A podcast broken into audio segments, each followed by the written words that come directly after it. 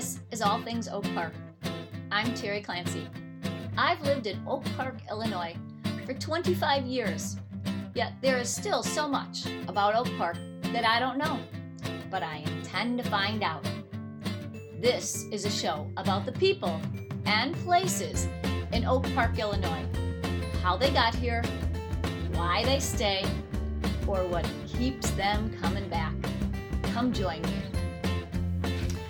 This week, and next week actually, my guest is Amanda Daly. Amanda is the owner of the bagel shop here in Oak Park, located on Lombard in Chicago, called The Daily Bagel. And Amanda's story is so fascinating, and we talked at such length that I think you'll find that interview interesting enough to both listen to the early part of her life this week and come back next week to hear all about her daily bagel struggles and successes and what she hopes for the future. So, in part one that you'll hear this week, Amanda will tell you all about her childhood and her college experiences, one so unique that changed the direction of her major and compelled her to start studying Arabic. And that experience spilled over into her getting a job at the State Department and working in the Middle East a year after 9 11. So, pretty interesting in that respect. And then she will tell you all about how she came back from the mm, experience over at the Middle East and worked for an international company here and how much she loved that. And then from there, she did another pivot and she started pursuing writing and being a novelist. So, a very different direction than international studies and international business travel.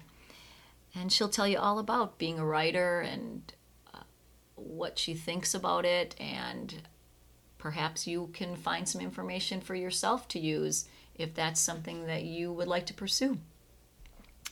And then next week, Amanda will tell you all about her daily bagel experience and what started it in the first place and how she got to the store where she's selling bagels like crazy out of a cute little storefront over on Chicago and Lombard, like I said.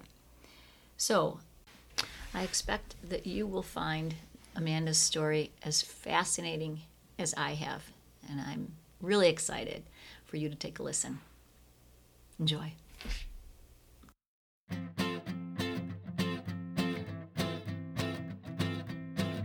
Well, hello, Amanda. Hi. Thanks for joining me on the podcast, All Things Oak Park.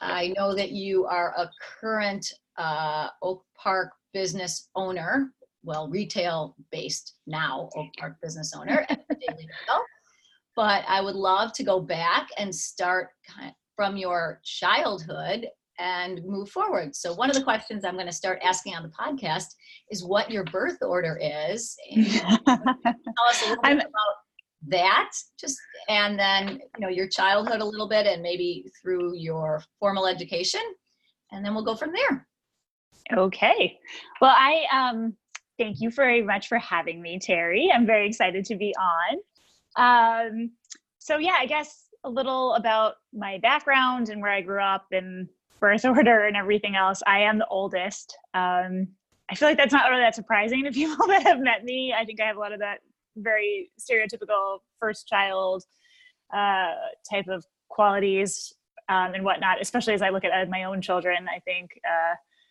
you, you see parts of, of yourself and your own children and their own birth orders and, and things. So but I uh, I grew up in New Jersey, uh, northern New Jersey. So if you think of New Jersey as being kind of like the number eight, um, at least that's how I describe it. So there's northern New Jersey, and then there's southern New Jersey, and then there's there's central New Jersey, and they're all very distinct, separate things. Um, but if you were visually speaking to cut New Jersey in half, like right at the skinniest part of the eight, and then you have northern New Jersey, I was kind of in the direct center if you drew, you know, a, a T or a cross through there. So uh, we were, uh, you know, due west of New York City. um, but in a little bit, and a very suburban type environment. Um, but there were also little family farms and stuff scattered around as well. So uh, I joke that.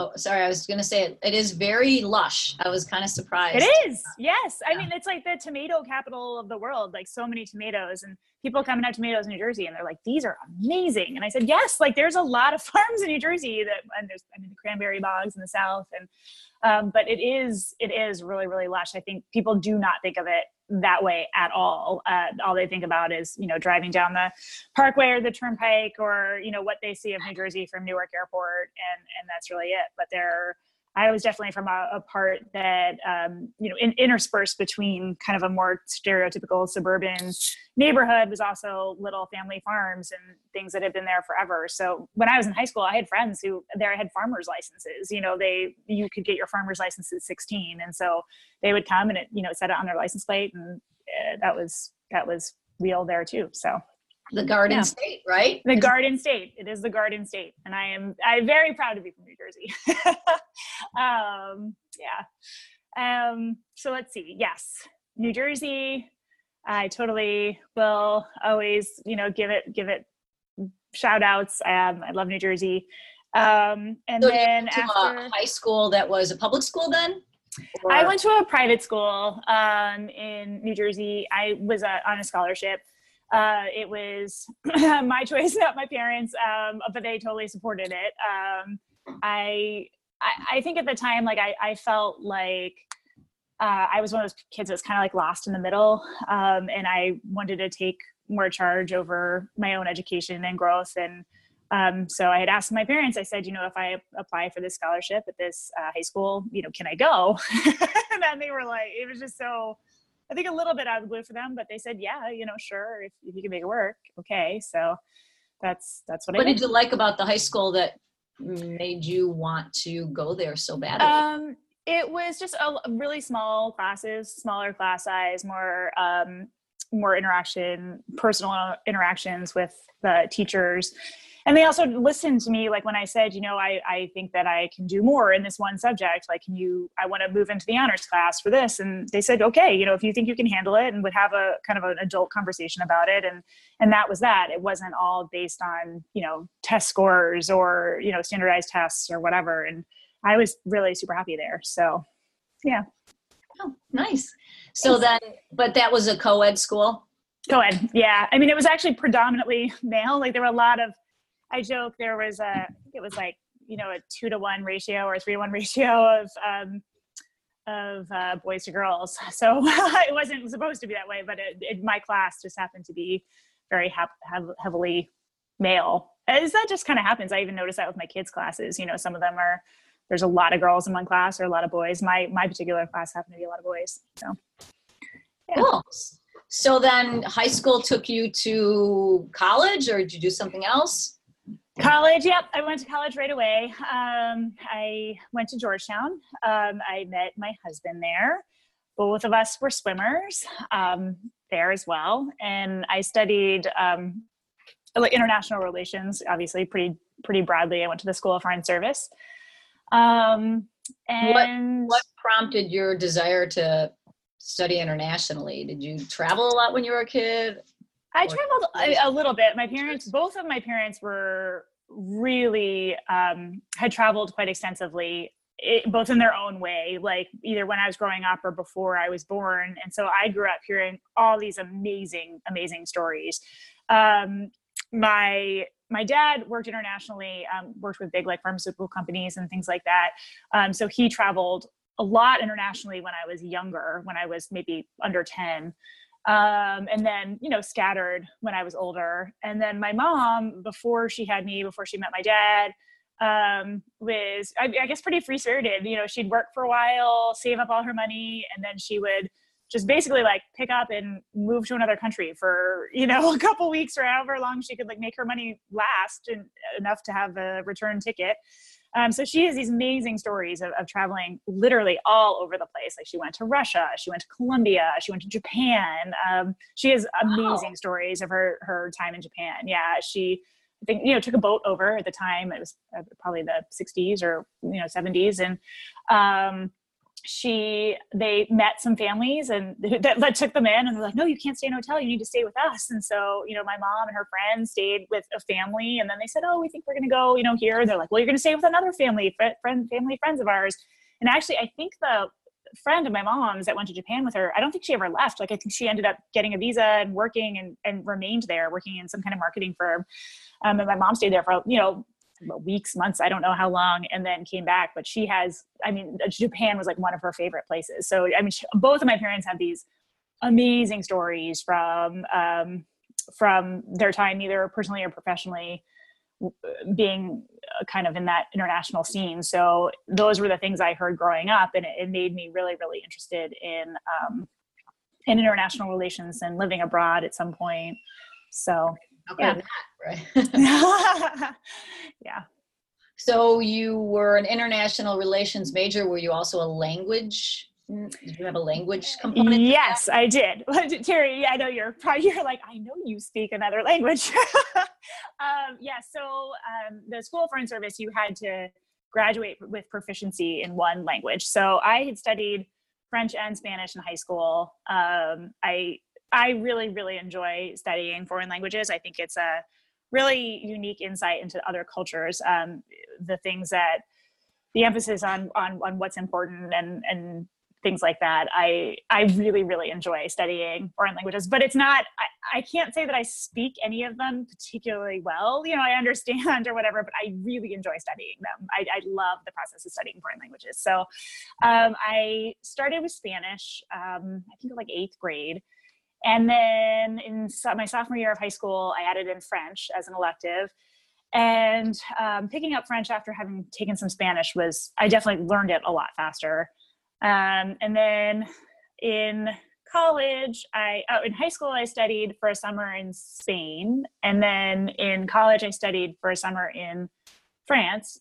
And then I guess it was I'm trying to remember when my junior year of college I started taking Arabic, um, and then I took Arabic throughout there. So yeah, so I, I had studied those those three languages in throughout high school and then into college and um, I had, I guess, the story behind the Arabic, um, picking up that one was uh, we had to take uh, one of the, the requirements in college was that you take a sophomore seminar. So it was with a senior faculty member that you might not usually get to take a class with in a very small setting. And um, the because I was a swimmer and I I had a very kind of constricted schedule. Like I couldn't I couldn't take seminars between 3 p.m. and like 6 p.m. every day because that was swimming or you know the brackets of going to swimming and then getting out of the water and getting dressed and all those things. Um, so a lot of the seminars fit into that time frame, which didn't really work for me. And um, I was I went into the dean's office and I said, you know, I'm trying to find a seminar. Can you help me get into one of these ones? It's not during this time frame. And um, she kind of was clicking through the schedule and she said, oh, there is a spot in Professor Esposito's uh, Islam in the West. And I remember thinking, you know, even though I was studying international relations and obviously uh, everything else, I, I just wasn't super interested. Like I was like, oh, can I take this other class that's more interesting? Yeah. Yeah, I, like it wasn't. It didn't. It wasn't necessarily appealing to me at the time, you know. And and she said, she said, no. She said, you don't understand what an opportunity this is. Like this professor is so fantastic. He's he's really great. You know, he's like always interviews, written all these books, and he's constantly being interviewed by you know CNN, whoever. Um, and I said, yeah, I don't know. Like, it's just, there's so many other interesting seminars. And there were, I mean, so many other, so many interesting seminars. I said, it's not necessarily the, the way I wanted to go. I had been actually thinking about taking Japanese potentially and, and going kind of more that way, again, influenced kind of by my mom and my dad. So my uh, the dean said she kind of like closed slow close the laptop computer pushes it away and she, she looks at me and she goes okay how about this she said, You go to the first class of this Islam in the West, you know? And she said, If you don't want to stay in the class after one class, I will add you to any seminar you want to be in. Wow. And I, of course, I'm looking at her like, yeah, okay, sign me up. Because I mean, there were some really cool sounding classes, you know? And I said, well, that's, I mean, that's really putting your money where your mouth is. You know, she was, she, she was like, any class, any class at all you want, I will put it in, I'll put you into it. And, and I said, all right. Other classes were full. So this is why you weren't. Yeah. So, and the, oh, the other classes at the time, you know, the times that worked for me were full. So, um, I said, okay, like score. Yeah. Cause I had my eye on a couple that just sounded so great. And, um, so I went in and there were supposed to be like 12 kids in the class. And it's a little seminar room, you know, it's just like a big table and there's 12 t- chairs around it. And it's not a huge room to begin with. And I'm, you know, I'm just very type A in general. So I get there early, five minutes early. I sit down, there's maybe one other person there. And, you know, I take out my notebook and I'm just kind of like looking around and, you know, uh, three minutes before class, a couple more people come in, people are kind of filing in, and every seat at the table is full. And then people still keep coming in and coming in and coming in. I mean, there had to be uh, between 30 and 40 people in this room, like by the time class started. And I'm going, there's only 12, I mean, there's only 12 slots, you know, and people are like sitting in the windowsills and like standing crammed together in the back of the classroom. And I'm going, what is going on here? Like, this is just, and, um, you know, it strikes three, whatever time it was, one o'clock that the, the class started. And this guy comes breezing in heavy Brooklyn accent, just like a whirlwind. He just comes in and starts talking. I don't I am not sure that I breathed for the, like the entire 2 hours of this class because he was just so engaging and so interesting and just brought all of this to life in a way that I just like never never had had an experience with a professor like that ever. And he gets to the end of this, and I'm of course like all the way at the edge of my seat. I'm like scribbling notes, like I'm like just just totally enthralled with this this class. And he looks up and he goes, There's five minutes left of class. And he goes, Obviously, there are some of you here that shouldn't be here. And he goes, There are 12 slots in this class. All 12 slots are full. And he looks around at everyone. He goes, So if there's anyone in this room that does not want to be here, kindly drop because there are obviously people who want to be here. And I just sat there with my like my hands folded on the table. I'm like, I'm not dropping this class. This is the best two hours I have spent in school ever in my entire life. And I was like, no way. And so I stayed in the class. And I mean, he was obviously just such an, an impactful part of my education. I changed my major. I mean, I, I everyone in the School of Foreign Service is sort of nominally uh, international relations, but then you pick a focus area. So I, I switched my focused area in the Middle East. Um, I started a certificate program on Muslim Christian understanding. Started taking Arabic the next year. I mean, it was just such. Uh, it was it was really pretty profound the change and I'm, I'm so glad i did because it was um, georgetown had an amazing arabic program had amazing middle eastern studies program uh, just like top notch professors um, I ended up doing like in DC. My, that would make a lot of sense, right? No, I know, right? Yeah. um, but it it was it really really was. the person that should be thanked is your counselor. Yeah, right. No, I know my dean. Yeah, she was amazing. Like she was, um, yeah, she, I, she really knew. um, she, I mean, she knew what she was talking about. So, um, yeah, she was, she was great, and uh, and he was great, and it was, it, it obviously totally changed the the course of of my career. So, yeah. Did you end up studying in the Middle East during school? Did you you... No, I am. I was actually supposed to. One of the things I was looking at was doing a language program in Yemen um, the summer that the USS Cole was bombed. Um, so the program was canceled um, before even the. Like I think I had put in the application, and then they they had just shut down the program. So I ended up studying at Middlebury for the summer. Middlebury does these intensive uh, summer language programs, and you like take a language pledge and you only speak that language. So I did nine weeks of Arabic at Middlebury um, over that summer between my junior and, senior year. Um, and then I guess the other kind of puzzle piece of this entire thing, which obviously kind of like leads to everything else, was my um, my junior junior year summer, like summer going into senior year um, was the summer of 2011. So obviously, I'm dating myself, but um, so I had just finished nine weeks of intensive Arabic um, heading into September 11th, which was um, wow.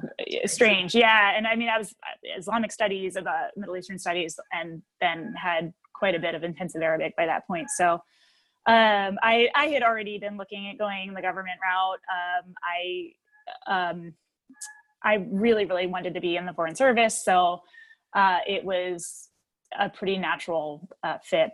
Uh, especially, I think uh, when I had told people I was like, I'm going to focus on Middle Eastern studies, I'm going to take Arabic, and everyone's like, you were going to have a lot of fun being a professor. You know, it's like, okay, like it just looked like that was. I was kind of studying one of those things that that would be all I could do with it. But um, in, in, the end, um, I, I, had a lot of options. Um, so yeah. So then you, what, what year did you graduate? 2002. Then what'd you do after that? Uh, so then I did take the Foreign Service exam and um, I was in DC for uh, training and whatnot, and then got married um, to uh, my college sweetheart. And we went to, uh, my first posting was in Manama, Bahrain, which, um, for those who don't know where that is, it's um, a small island off the coast of Saudi Arabia um, in the Gulf there. Uh, so it's actually where the home of the U.S. Uh, Naval Fifth Fleet is, um, and uh, it's a big expat population there, um, and a lot of Americans and a lot of American Navy. So, yeah. Um, and then we spent two years in Bahrain. Um, Wait, so you marry and then you take your beloved to the yes.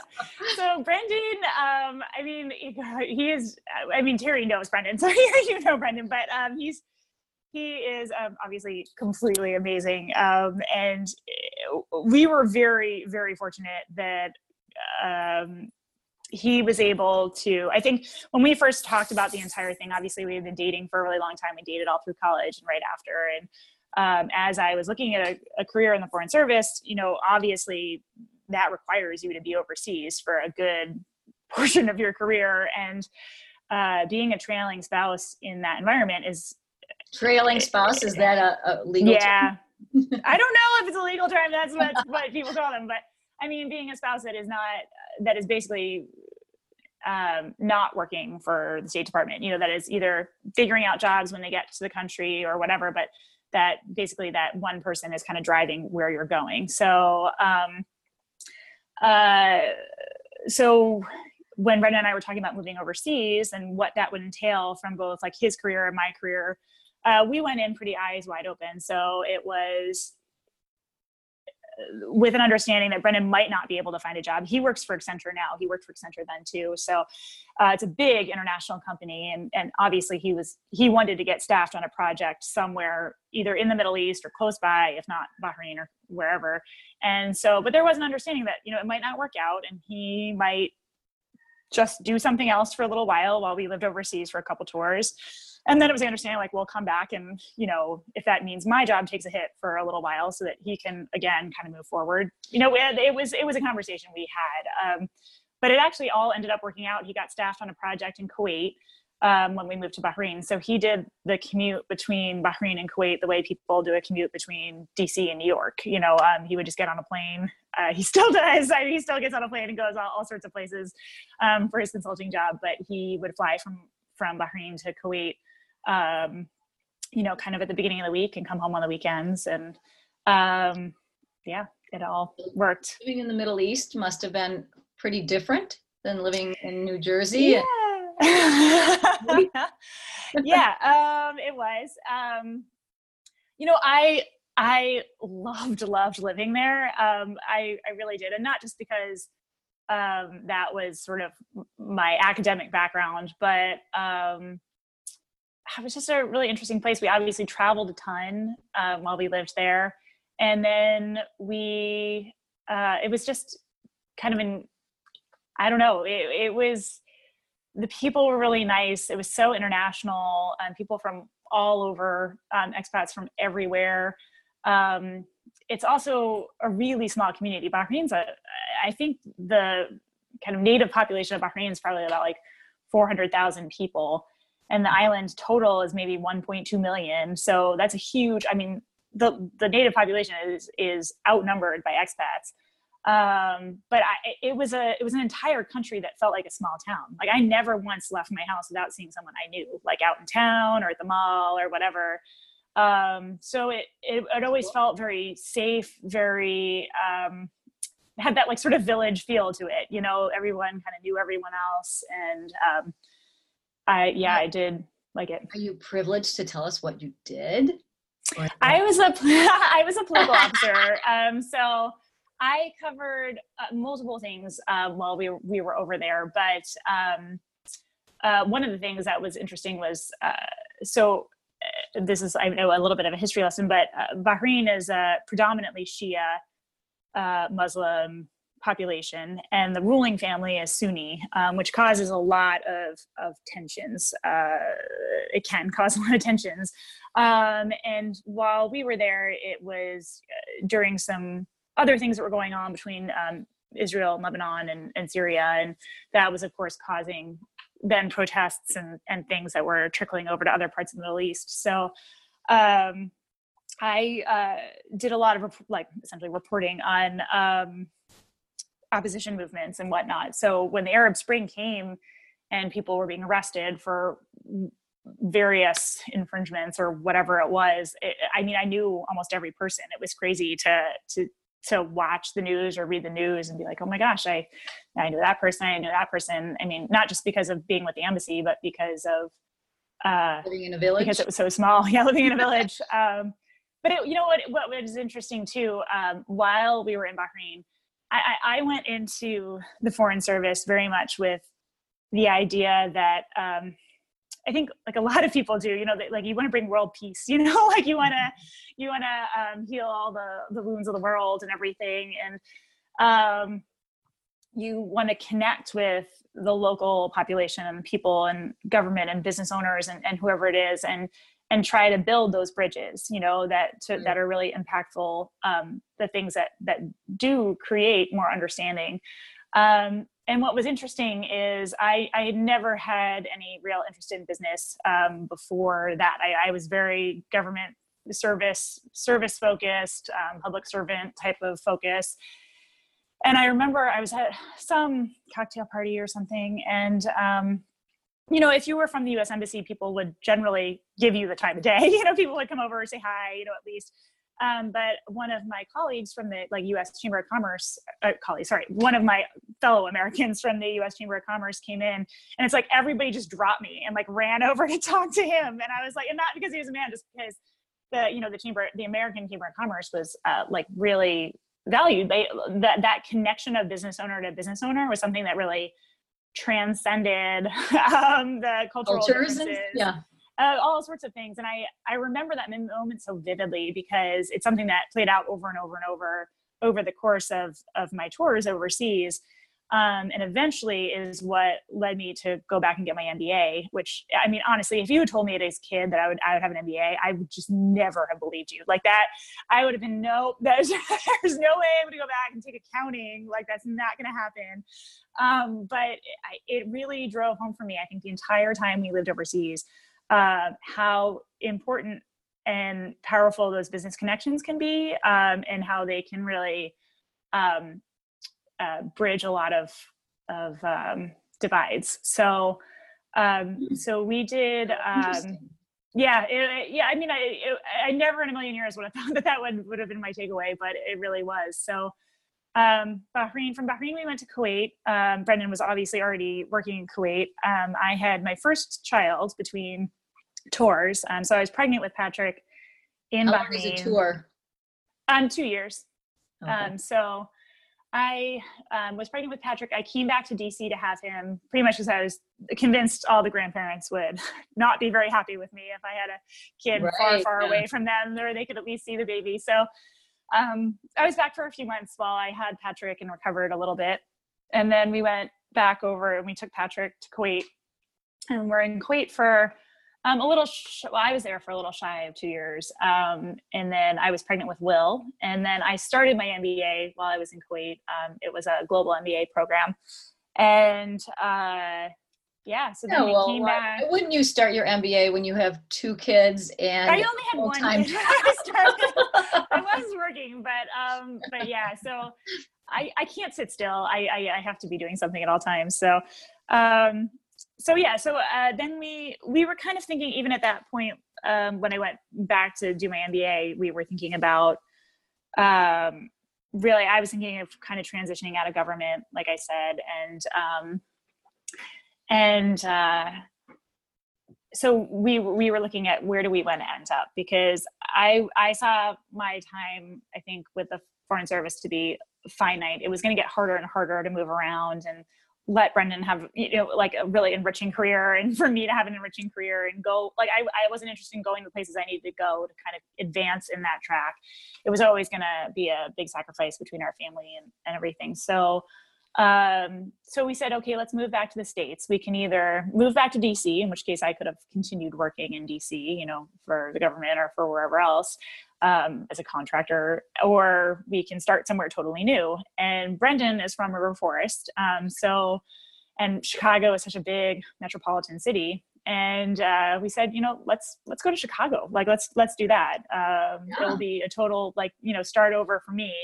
Um, he transferred with Accenture, which uh, just a big international company, easy to do, and um, and and we did, and I, I couldn't be happier. So uh, we ended up Yay. in Oak Park. Yeah, yeah, 2000. Well, we moved back in 2008, at very end of 2000, was December, like Christmas time, 2008, and then um, I'm trying to think. Then we uh, we stayed with my in-laws in River Forest. Uh, me, giantly pregnant, one kid, two dogs. They had two dogs.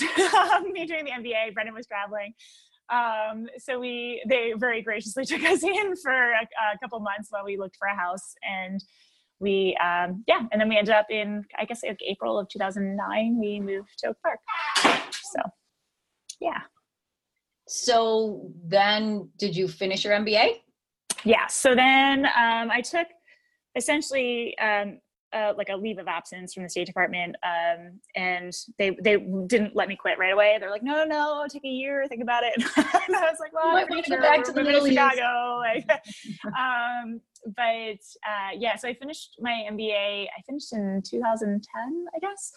Um, and then after that, I started working for a, a small uh, cross cultural consulting firm that does uh, consulting for big multinational companies that are um, expanding into overseas offices or setting up new offices or sending expats overseas. And that's not just like from the us to wherever. It's not like oh us to london or us to china or us to wherever. It would be you know germany to shanghai or you know the netherlands to south africa. Like it was it was everywhere in all different kinds of uh, uh, people people moving companies investing um, and the company, even though it was, I, I say small, had offices all over the world. So it was, um, I just, I was like loved, loved, loved oh. everyone I worked with. I mean, the, the owners of the company are two to this day, two of the just nicest people, intelligent, interesting, uh, kind uh, people uh, that I've ever met. And uh, really, I, I was so fortunate to work with a group of people that were just unbelievably passionate about what they did and so supportive of others. It was i mean it really felt like a family. Like i just just really really really loved working there. Um uh, I, I, guess i worked there for three years or four years. I'm trying to i'm trying to try to add up all these things in my head. Um, i had obviously had patrick i had will then i had noel. Um, while i was working for um, Aperian, the company and uh it got really hard. I mean, I had three kids at the time. I was working a full time job. That while I got to work from home um, most of the time, I also did travel quite a bit because I was uh, like a global account manager. So I visited my clients, and they were not necessarily in the U.S. They were not necessarily in Chicago. Um, so I had a decent amount of travel, not not nearly as much as Brendan did, but it, it was really tricky. With and Brendan travels uh, Monday to Friday every every week, even now still. Uh, well not now still during covid just in in general. Um, he he was you know 90% travel. Um, so even my 20 to 30% travel was was really a lot. It was really really hard. Um, and then also as much as i liked working from home it was definitely i thrive from human interaction like i am definitely a really extroverted person and um, for me, it started to get really hard. Um, I, I, can feel for everyone working from home right now that it's that it is not necessarily their their cup of tea um, because after a while it just got hard. I wanted to I wanted to see people. I wanted to be in office. Yeah. I wanted more of that. And so um, I think between all of it, I, I, I just decided I needed to take a step back and think about what I really wanted to do. Um, and it was oh my gosh it was the hardest thing I, I waited until one of the you know senior bosses from the company had, was out in chicago for a visit so that I could resign in person. And I, I mean, I sobbed hysterically, like very unprofessionally. um, but I, I, I, cried all the way through the whole resignation because I, I just, I loved them so much. And uh, it's just still like such, such a wonderful experience working for them. So, um, yeah. Mm, nice. So then were yeah. you a stay at home mom or did you go right into Yes.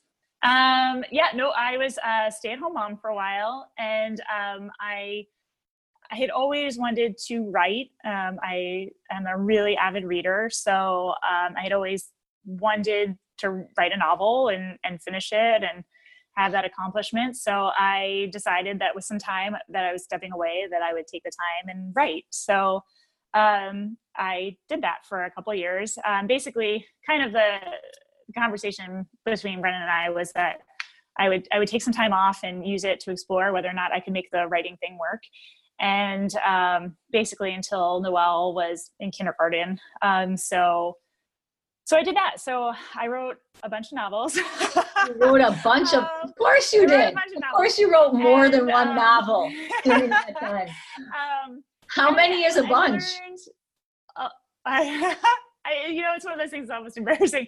Um, I think I wrote nine. nine? I mean, so here's the thing. So the first one, the first one I wrote, I had no idea what I was doing, right? Like I just kind of powered through it, got everything down, and I did a lot of editing and uh, revisions and stuff. But I didn't belong to a writing group, and I like I just didn't really didn't have a sense of what what all was involved in being being a writer that wanted to be a professional right?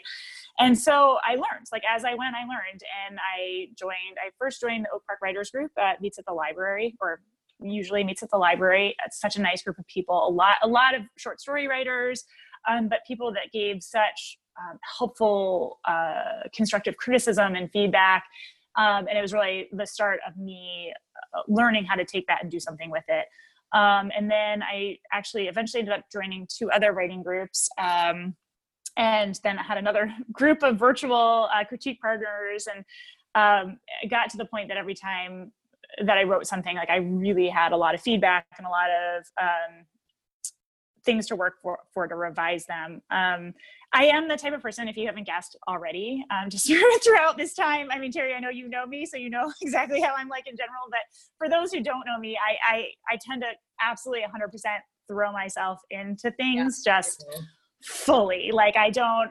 I, I, as a result, I tend to be reluctant to commit to things because I know that when I do, it's just it will be absolutely all consuming. Like I will be a hundred percent in Yep. Yeah. So, uh, so that's how I took writing. I said, you know, this is this is the thing I'm going to try to do, and I'm going to try to make this work, and I'm I'm in 100. percent So I, when I say I'd write, I mean I dropped the kids at either um, preschool or at school, and I would sit down and I would write for eight hours solid. Like I would not get up from the computer. Like I'd maybe grab a snack or go to the bathroom, but I would sit my butt in front of the computer and do it for the entire day as though it was a job. So um, so wait, not, where are all your novels? Did you self-publish them? Oh. No, I haven't. I keep talking to maybe I will. I mean, I tried you, to get them published. Wrote all these was, novels.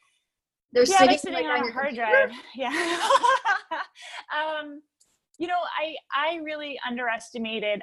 I think when I started writing, and I'm so glad I did. I'm so glad I had that experience because the experience of having to right you know if you have a chapter that is just not working and you're literally just deleting it. Like you're just highlighting the whole thing and pushing delete. And and there is something so important to be learned from that because i think uh, anyone who has not done a lot of writing or something like that I think they they're like, well, what if there's this great phrase, or what what if you forget that idea, or maybe you want to tie it in later? Like, wow, I can't believe you would like push the delete on something. And I mean, when I say I push delete on something, I would like I would delete hundreds of pages at a time. I just feel like that's just not working, what? you know. And yeah, it it takes a while till you get to that comfort level to do that, and it, it comes from like a lot of critique and a lot of dissection and a lot of um, soul searching before you really realize like you need to pivot or you need to change something because it's not working or it doesn't make sense or it's not conveying the message or so, the reader is not getting what you want them to get from that and and um, there is something really liberating about pushing delete like i have to say um,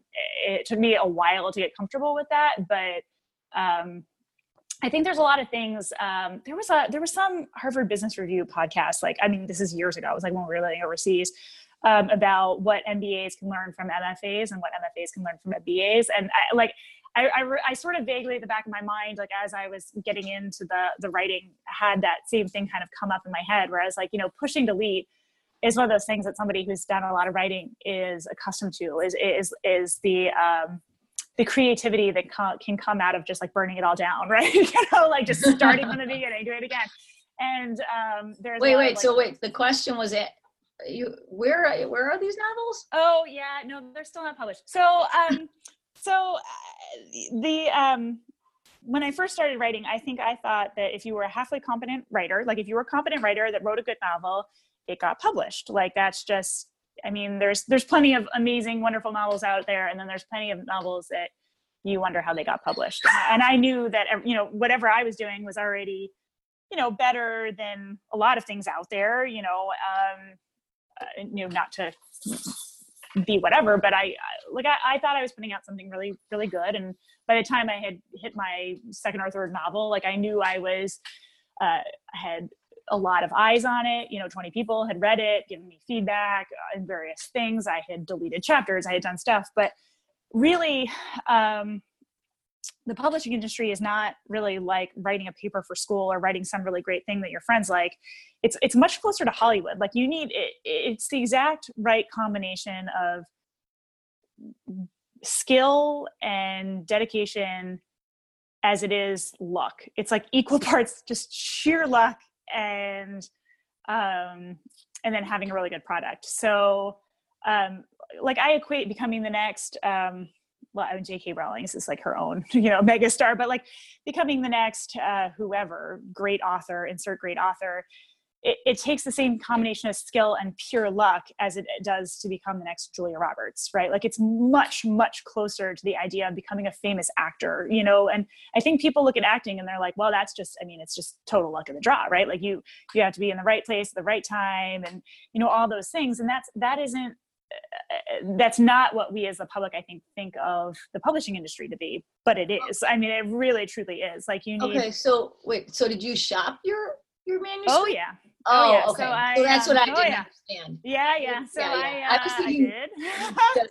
uh, well, first you need, you need a you right. need a if you're going to go the traditional route, you need a literary agent, and um, you know, uh, I most literary agents you just send them something called a query letter, and it's it's basically like the back of the book for your novel.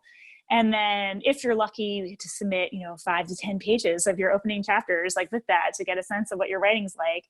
And um, with the first novel, granted, the first novel was, you know, like I said, I didn't know what I was doing with that first novel, but I think I sent out um, 120 query letters and I got 120 rejections. Um, so, you know, I've heard that a lot. Yeah. Uh, yeah. I didn't was, mean to force was, you. I just didn't think that you had even like you just decided oh, no. it was going to be good enough. And so I didn't, I didn't shop all the novels. So um, I took a pretty, it was a pretty um, hard hit to my ego after that first one. Um, I had a, a, lot of soul searching. So I wrote a, my second book I wrote and I never shopped it. I, I just wrote it so kind of to kind of prove I had more than one idea in my head. You know, I was just like, I just, it, and it wasn't even like, I mean, the few people that read it like liked it and thought I should, I was like, no, this is, it, it, this one was written to be on my hard drive. It, it was, it was like clearing the tubes out. You know, I just had to like get it get something else out and prove that I had more than one idea. Book? It was a rebound book, yeah, totally. um, and then my third book, um, I shopped again, much more confident, like having really like joined critique groups, gone to writing conferences. I learned all I could about the publishing industry, uh, followed every agent and publishing house and on you know Twitter and whatnot, and and really had a a really clear idea of what I was doing on the business side, not just on the creative side.